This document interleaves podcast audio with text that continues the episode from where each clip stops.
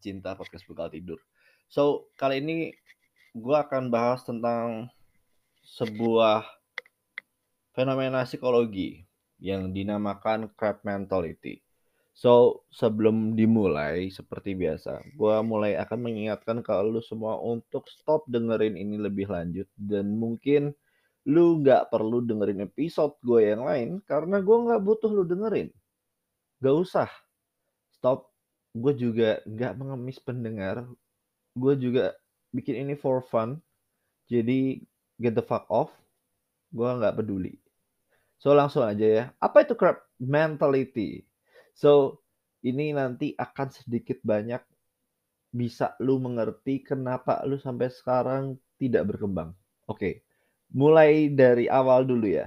So, crab mentality itu basicnya adalah sebuah istilah di mana ada seseorang yang bersikap menghalangi keberhasilan lu ataupun lu menghalangi keberhasilan orang lain.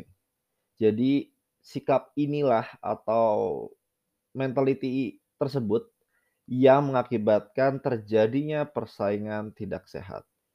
Jadi, kenapa dinamakan crab mentality? Basicnya adalah crab mentality itu dianalogikan sebagai sifat kepiting yang ketika nih, tolong dibayangkan ya, dimasukkan dalam ember penuh. Terus ada satu kepiting yang berusaha keluar di embernya, maka kepiting lainnya yang ada di bawah nih akan berusaha menjepit atau mencapit bahkan menarik kepiting yang yang tadi lagi berusaha keluar dari ember untuk tidak naik melainkan jatuh ke bawah. So that's the reason why istilahnya dinamakan crab mentality. Nah, perilaku kepiting ini mungkin juga bisa diartikan sebagai sebuah solidaritas. Karena sebenarnya dia tidak ingin temannya atau keluarganya, nggak tahu ya itu kan sama-sama kepiting, gue nggak ngerti itu ada hubungan keluarga atau gimana. Keluar dari ember dan mati dimakan oleh pemangsa atau bahkan celaka lah kurang lebih begitu. Nah, beda sama manusia. Nah, kalau di manusia sikap ini tuh diartikannya sebagai sikap yang egois, bahkan cenderung punya rasa iri hati kepada orang lain yang sedang bertumbuh atau yang sedang berusaha keluar dari lingkaran kemiskinan misalkan, lingkaran kebodohan misalkan, akan selalu ada sikap-sikap yang tidak enak dari sekelilingnya. So, Kenapa muncul crab mentality? Jadi gini, sebenarnya secara alamiah kan manusia itu tidak bisa sendiri, alias mereka akan selalu berkelompok. Kalau zaman sekarang tuh anak-anak bilangnya circle ya. Jadi bisa dibilang ketika kita punya lingkaran atau berkelompok itu bisa dibilang mudah untuk mencapai hal yang kita inginkan. Dan bahkan uh, sifat itu kan timbul juga yang namanya kompetisi antara circle itu tadi di dalam circle. Dan kadang ini bisa menjadi hal yang bermanfaat. Kayak misalkan gini, ada sebuah circle yang isinya anak-anak pintar. Mungkin lu pernah mengalami di sekolah atau di kuliah.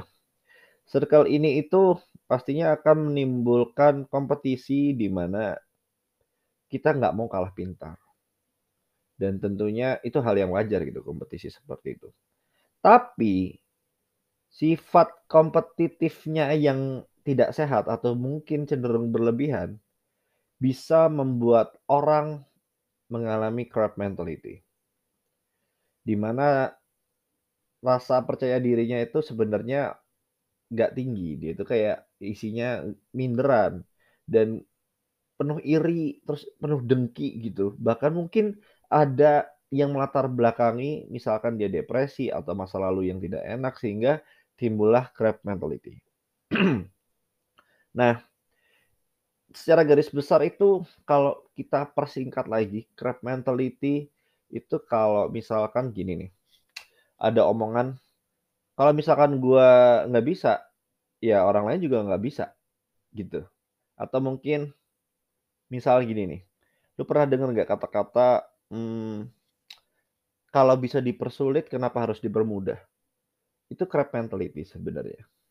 Terus ada lagi nih, mmm, apa ya, peraturan dibuat untuk dilanggar, itu juga crab mentality. Orang tersebut bisa aja harusnya berusaha lebih kuat, tapi karena mentality yang seperti kepiting tadi, dia cenderung tidak fokus ke dirinya untuk memberikan effort yang lebih untuk mencapai cita-cita, dan malah memilih untuk meluangkan atau menggunakan waktunya agar orang lain itu tidak bertumbuh, atau sama-sama di levelnya dia, atau mungkin tidak lebih dari dia. Dan juga mungkin karena disebabkan apa itu ya, hal yang dinamakan dengan posesif atau ketergantungan. Karena ada kan orang yang kayak misalkan lu nongkrong gitu, di sebuah circle atau di warung. Kalau misalkan ada temen satu yang mungkin dia ada urusan yang lain itu kan nggak enak kayak kehilangan, tapi bisa di sisi lain, mungkin teman lu yang jarang nongkrong itu, dia punya kesibukan karena dia makin sukses. Tapi karena elunya punya crab mentality, lu kan jadi kayak, "Ngapain sih lu belajar-belajar?" Kan gitu ya. Ada anak-anak kuliahan kan yang dengerin ini, atau mungkin anak yang masih sekolah, lu pasti akan kayak gitu, "Ngapain sih besok, eee, apa, ujian tapi kok belum belajar? Kita nyontek aja." Kayak nggak mau gitu, temennya makin pintar. Sehingga ini bisa menahan langkah orang untuk mencapai tujuan. Ya caranya tadi, yang ngejek, e ataupun menakut-nakuti. Kayak misalkan, kalau misalkan konteksnya menakuti itu apa ya? Contoh, eee, kita di daerah yang bukan metropolis, kota-kota kecil atau kota-kota yang jauh dari inilah, hingar-bingar ibu kota. Ketika misalkan sebagian besar di desa itu ya, eee, happy dengan hidup sekenanya, tidak ada ambisi. Ketika ada satu aja anak muda di desa itu yang bisa aja keterima let's say di UI gitu ya, di Jakarta. Terus orang-orang sekelilingnya tuh pasti akan kayak, "Ngapain pindah ke Jakarta? Kenapa nggak di sini aja?" Pasti gitu. Kan kasihan orang tuamu.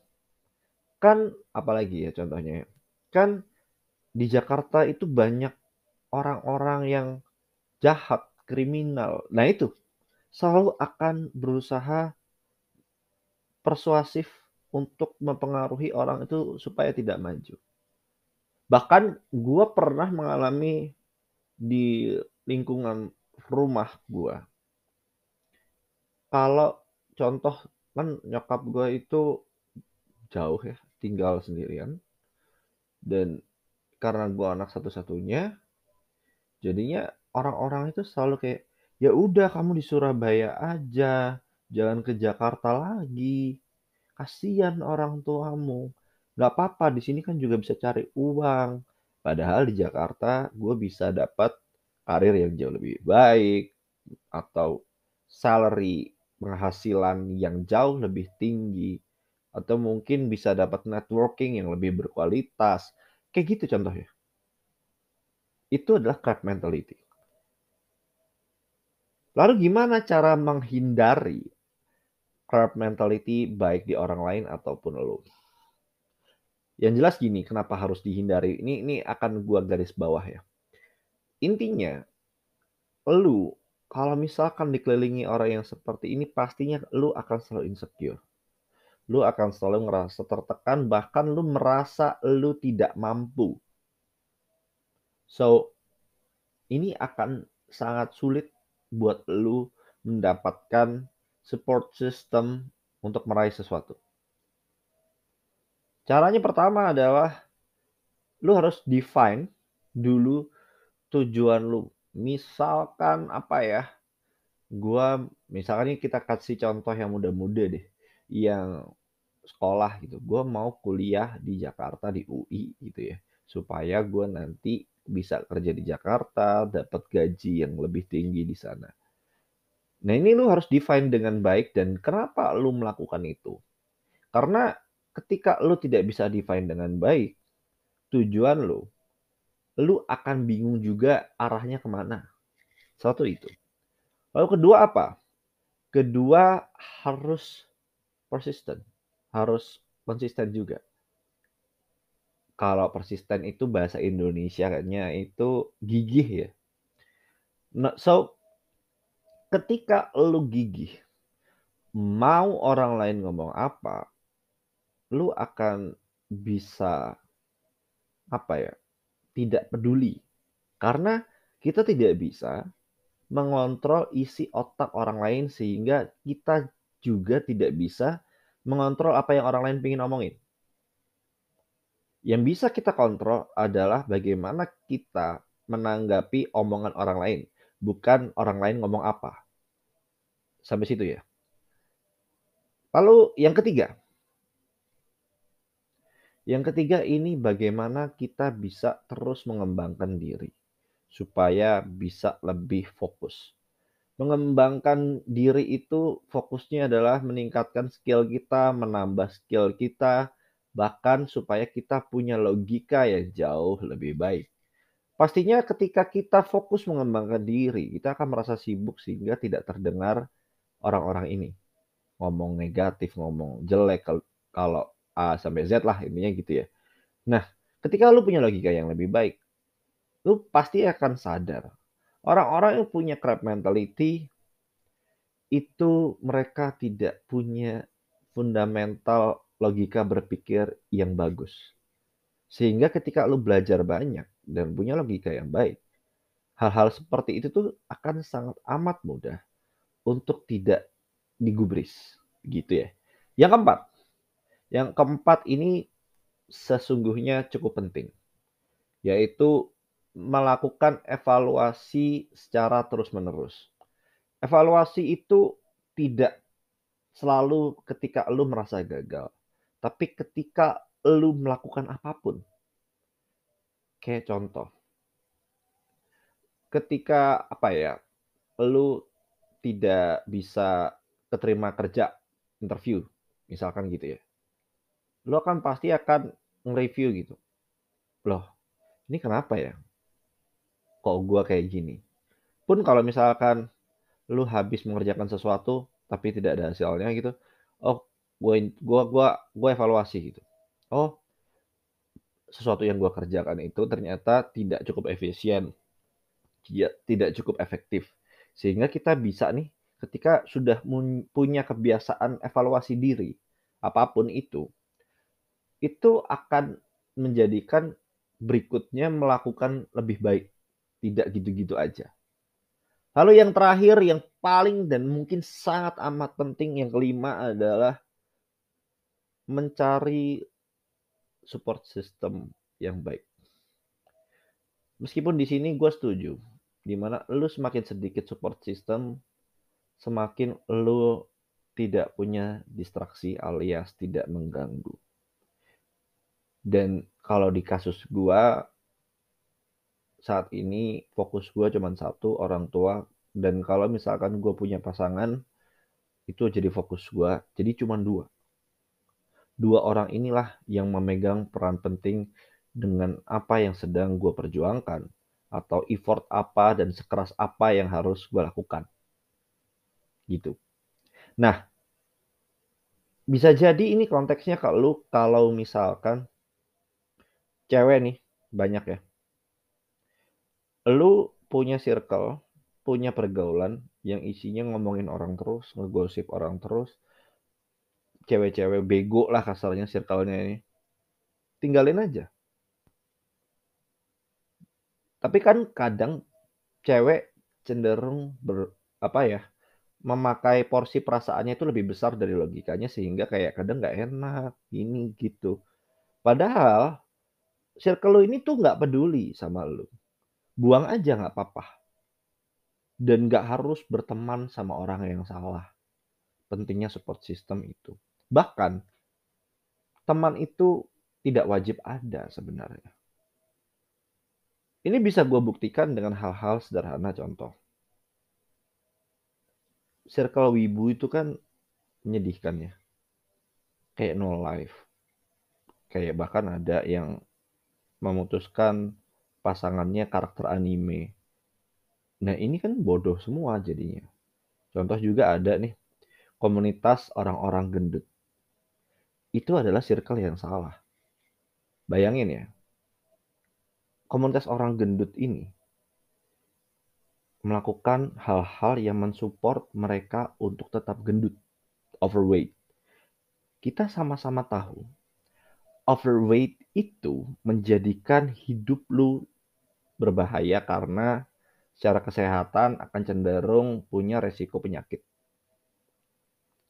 Dan mereka mengencourage dengan hal-hal yang bodoh seperti body positivity, percaya diri meskipun gendut. Padahal sesederhana gini, kalau lu gendut dan lu nggak nyaman, jangan cari orang yang bilang itu lu harus pede aja untuk menjadi gendut.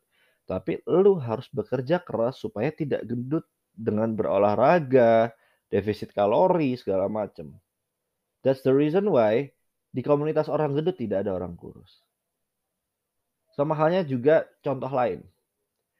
Ketika misalkan lu ada di lingkungan yang kerja nih ya, konteksnya lingkungan pekerjaan yang bisa dibilang um, apa ya bahasanya ya, yang bisa dibilang tidak baik, toxic.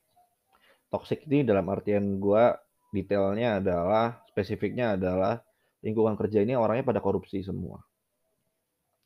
Lalu datanglah satu pegawai baru yang punya pendidikan cukup baik, yang punya integritas yang mungkin mungkin lebih tinggi daripada mereka yang existing, yang pegang teguh pendirian untuk bekerja lurus. Lalu ada satu masa si pegawai baru itu dapat lonco mungkin dan sehingga harus ngurusin proyek dan dipaksa untuk korupsi. Kira-kira apa yang terjadi? Kalau tidak korupsi pasti akan diancam. Kalau tidak korupsi pasti akan dijauhi. Kalau tidak korupsi pasti karirnya tidak akan smooth. Pekerjaannya semua dihambat. Kebayang nggak sih bahayanya? Nah pertanyaannya adalah ketika sudah sampai di titik itu, Orang yang bagus tadi, yang masuk lingkaran jelek tadi, most likely kira-kira akan lebih tetap bagus atau makin bagus atau malah dia akan seperti mereka menjadi buruk. Kalau gua simple. Ini orang yang bagus pasti akan jadi buruk. Kenapa? Karena tadi crab mentality semua isinya lu ketika pengen merubah sistem kayak misalkan kan selalu dengan cita-cita mulia gue akan masuk sana gue rubah sistem. Nggak bisa. Nggak bisa. Karena kepiting yang akan narik lu itu lebih banyak. Kekuatannya lebih kuat. Kalau lu nggak mau ribet saran gue sederhana tinggalin. Resign dari pekerjaan itu cari yang lain. Ya mungkin memang di situ gajinya oke atau misalkan stabil karena tidak ada layoff layoffan. Tapi orangnya kacau semua ya lu pilih aja. Kalau gue sih akan resign. Karena menurut gue rezeki tidak didapat dari tempat seperti itu aja. Semoga lu dapat manfaat ya dari podcast gue kali ini tentang apa itu crab mentality. Karena itulah sebenarnya alasan kenapa banyak orang Indonesia contoh yang miskin karena mungkin di sekelilingnya pada miskin. Ketika ada satu berusaha wirausaha gitu dikatain. Bahkan ada yang misalkan lagi wirausaha, ih mahal, mending aku beli di sana, bukannya beli tapi malah mencaci. Lalu apalagi tuh? Kalau ada satu yang sekolah ke luar negeri atau sekolah tinggi banget, ih apa sih dia belagu banget. Kok sok-sokan pakai sekolah luar negeri padahal kan orang tuanya miskin. Nah, ada loh yang kayak gitu. Dan that's Indonesia. Dan kita tidak bisa memaksa orang-orang dan crab mentality untuk berubah, tapi lebih mudah buat lu membuat semacam tameng kali ya atau self defense mechanism itu udah pernah gue bahas kemarin supaya tetap fokus sama tujuan lo. Thank you semuanya yang udah meluangkan waktu dengerin podcast gue yang ini. So kalau lu nggak mau dengerin lagi podcast gue nggak apa-apa, gue nggak marah dan nggak terlalu tersinggung. Stay safe semuanya, bye bye.